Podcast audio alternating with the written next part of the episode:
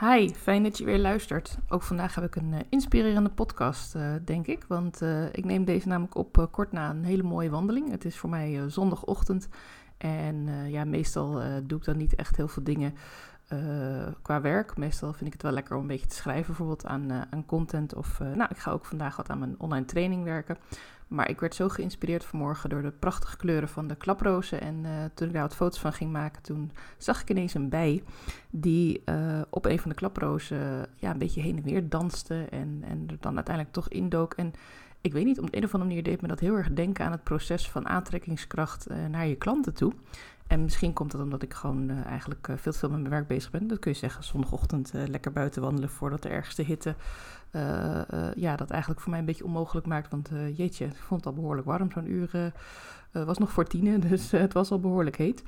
En, maar ook wel weer lekker, want er waren niet zo heel veel mensen buiten. En dan kan je zo heerlijk gewoon genieten van, van het zonnetje. En dus die prachtige kleuren. Maar ik vroeg me toen wel af van, hoe ziet zo'n bij nou ja, tussen al die klaprozen, welke die dan precies wil hebben. Dus daar ben ik eventjes ingedoken.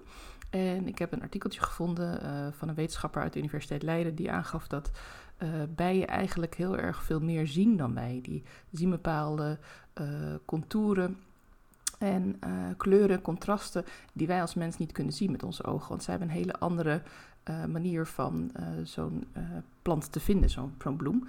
En bovendien hebben ze ook geen hele grote actieradius. dat is ongeveer 200 tot 250 meter en maximaal een, een halve kilometer.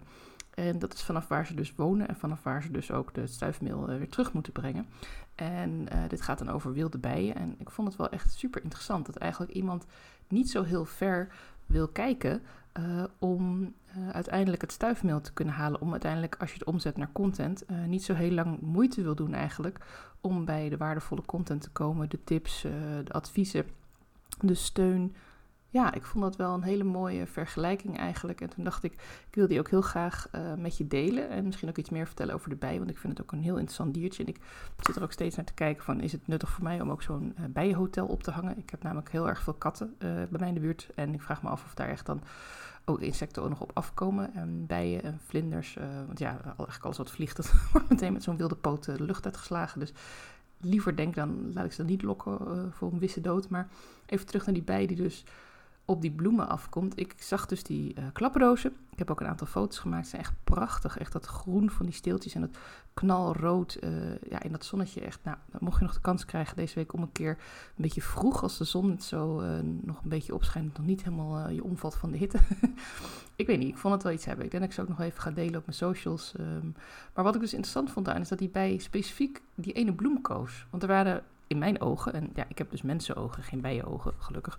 Um, in mijn ogen waren die bloemen niet super verschillend. Sommige hadden wat meer blaadjes, sommige hadden blaadjes die een beetje naar links wapperden, of, of die juist wat kleiner waren, of misschien een groter blaadje. Maar ik zag nou niet echt een enorm verschil tussen de ene klaproos en de andere. En ik zag er zeker wel honderd. Dus ik vind dat dan toch knap dat zo'n bij precies weet welke klaproos uh, zij dan wil hebben en welke ze dan um, onderscheidt van al die andere. En er heeft dus hele, heleboel duizenden kleine lensjes voor om dat precies te zien en een heel scherp beeld te krijgen, ook al vliegt ze er nog naartoe. En ze kan ook uh, gebruik maken van ultraviolet licht. En nou goed, nu ga ik helemaal een hele biologische uh, masterclass geven. Dat was ook weer niet de bedoeling. Maar ik dacht wel aan van hoe kun je nou dit omzetten naar je content? Want uiteindelijk wil ik niet mensen gaan vergelijken met bijen, maar het proces van je hebt zoveel keuze en je ziet op een gegeven moment misschien niet zo snel het verschil tussen de ene coach en de andere, of tussen de ene therapeut en de andere. Want uh, op de oppervlakte zijn we allemaal heel mooi, hebben allemaal prachtige rode kleuren en frisse groene steeltjes en wapperen we mee in de wind en, en staan we klaar om iedereen te helpen. En kom maar bij mij, kom hier maar je stuifmeel halen of je uh, inspiratie of je advies. Maar als je dichterbij inzoomt, als je echt de tijd neemt om iemand wat beter te leren kennen, dan zie je de verschillen. En dan komen dus die, die duizenden kleine spiegeltjes komen dan, uh, of hoe noemden ze dat nou? Ik ga het toch even goed zeggen. Die lensjes, die spiegeltjes. Die lensjes, die, zitten natuurlijk ook bij ons. Alleen bij ons zijn het dan bijvoorbeeld uh, een gevoel. Of is het herkenning? Of is het misschien um, dat je denkt, uh, ja, deze persoon die, die snapt het, die heeft het ook meegemaakt. Misschien is dat ook een stukje herkenning, trouwens herhaal ik mezelf nu. En die aantrekking die gaat dan echt puur op dat ene dingetje waar jij op aangaat. En hoe kun jij daar nou als maker van die content dan op inspelen. Want ja, je, het is best wel lastig soms om te denken: hoe kan ik nou iets anders zeggen dan mijn buurvrouw? Nou, waarschijnlijk kun je dat niet. Dat is dan even een hele vervelende boodschap van mij nu, sorry. Ik weet het, het is prachtig weer deze week en we genieten misschien wel lekker van een koud glas limonade of een ijstheetje uh, in de zon. Of misschien kies je juist schaduw op. En denk je van, nou ja, dit had ik toch niet echt verwacht. Dat ik nu gewoon maar hoor dat het eigenlijk allemaal een beetje hetzelfde is. Want in de basis is wat wij willen doen eigenlijk allemaal hetzelfde. We willen elkaar helpen, we willen elkaar vooruit helpen. en het liefst willen we er ook gewoon ons geld aan kunnen verdienen om um, ja, daar weer mee naar de supermarkt te gaan. En daarmee helpen we die mensen weer verder. Maar even terug naar onszelf. Ik wil jou graag helpen om jouw unieke verhaal naar boven te krijgen. Want jij kan misschien wel met reiki of met healing of met therapie of met bepaalde vragen of met hypnose-therapie bijvoorbeeld, waar ik zelf ook heel geïnteresseerd in ben en je ook meer over aan het ontdekken ben, uh, kun jij mensen heel erg goed helpen. Maar je bent niet de enige die hypnose inzet voor, uh, voor het helpen van mensen. Je bent misschien wel de enige die het inzet op een bepaalde manier, waardoor jouw klant denkt: ja, dit is hetgene wat ik zoek. Dit is hetgene waarbij ik echt geholpen word. Want uiteindelijk is het niet zozeer uh, wat je doet of uh, hoe je het brengt, of, of hoe je uiteindelijk, weet je, hoeveel uur je rekent, of uh, hoeveel tijd je in iemand investeert. Dat is niet hetgene wat jou uniek maakt. Het gaat erom, wat breng jij als persoon mee? En ik denk dat dat hetgene is wat hij bij zo aantrekt in die ene klaproos, waardoor hij voor die ene klaproos kiest en misschien nog wel een keer ook voor een andere Ehm, maar niet op allemaal. Hij zal niet, zij zal niet op elke klaproos landen om overal een stukje stuifmeel. Ze zal hooguit bij één of twee even gaan snuffelen. Of, ja, ik, weet eigenlijk niet of bij snuffelen. Dus excuses als er een bioloog meeluistert. Ik denk, wat kletsen uit de nek. Maar het is even om de parallel te trekken met, ehm, met jou en je content. Mensen snuffelen even aan je. En als ze dan bepaalde raakvlakken zien, dan blijven ze hangen. En dan gaan ze je beter leren kennen. De know, like, trust, buy in de no is het dus, uh, oh, dat is iemand die met, uh, met hypnose werkt. Ik pak dit voorbeeld er nog even bij. Die uh, kan mij misschien wel helpen. hoe gebruikt ze de hypnose? Oh, ze gebruikt dit om mij meer uh, zelfverzekerd te laten voelen. Om bepaalde angsten over de mening van anderen los te laten. Om misschien een angst die in mezelf zit of een oud patroon los te laten. Dat is interessant. Ik wil daar meer over weten. Oh, kijk, ze deelt ook iets over een klant die ze geholpen heeft. Hm, ja, nou, eigenlijk vind ik het wel een interessante account. Ik blijf haar volgen of ik blijf haar podcast luisteren. En op een gegeven moment komt het dan zo dat je misschien een keer een masterclass gaat geven. En dat deze klant denkt, ja, daar wil ik wel een keer bij zijn. Of misschien geef je een keer een, een soort proefmiddag waarbij je een aantal mensen uitnodigt voor een workshop. Of een, om iets om te ervaren eh, wat dan ook bij jouw werk past. En dan kom je in de like-fase, waarin iemand denkt, ja, dit is eigenlijk wel echt precies wat ik nodig heb. En dan wordt diegene misschien ook klant bij jou, want dan kom je in de buy-fase. En dat zie ik dan ook met die bij ja, die, die danst wat rond bij die bloemen, die test wat uit, die, die ziet bepaalde elementen die wij als mensen niet zien. En op een gegeven moment is er een klik en dan kiest ze daarvoor en vervolgens vliegt ze tevreden weer terug met het stuifmeel. En zo mag jij het ook zien. Jij hoeft niet alle bijen aan te trekken, jij hoeft niet alle klanten aan te trekken die mogelijk maar iets met jouw uh, specifieke vorm van therapie of jouw specifieke hulp kunnen doen.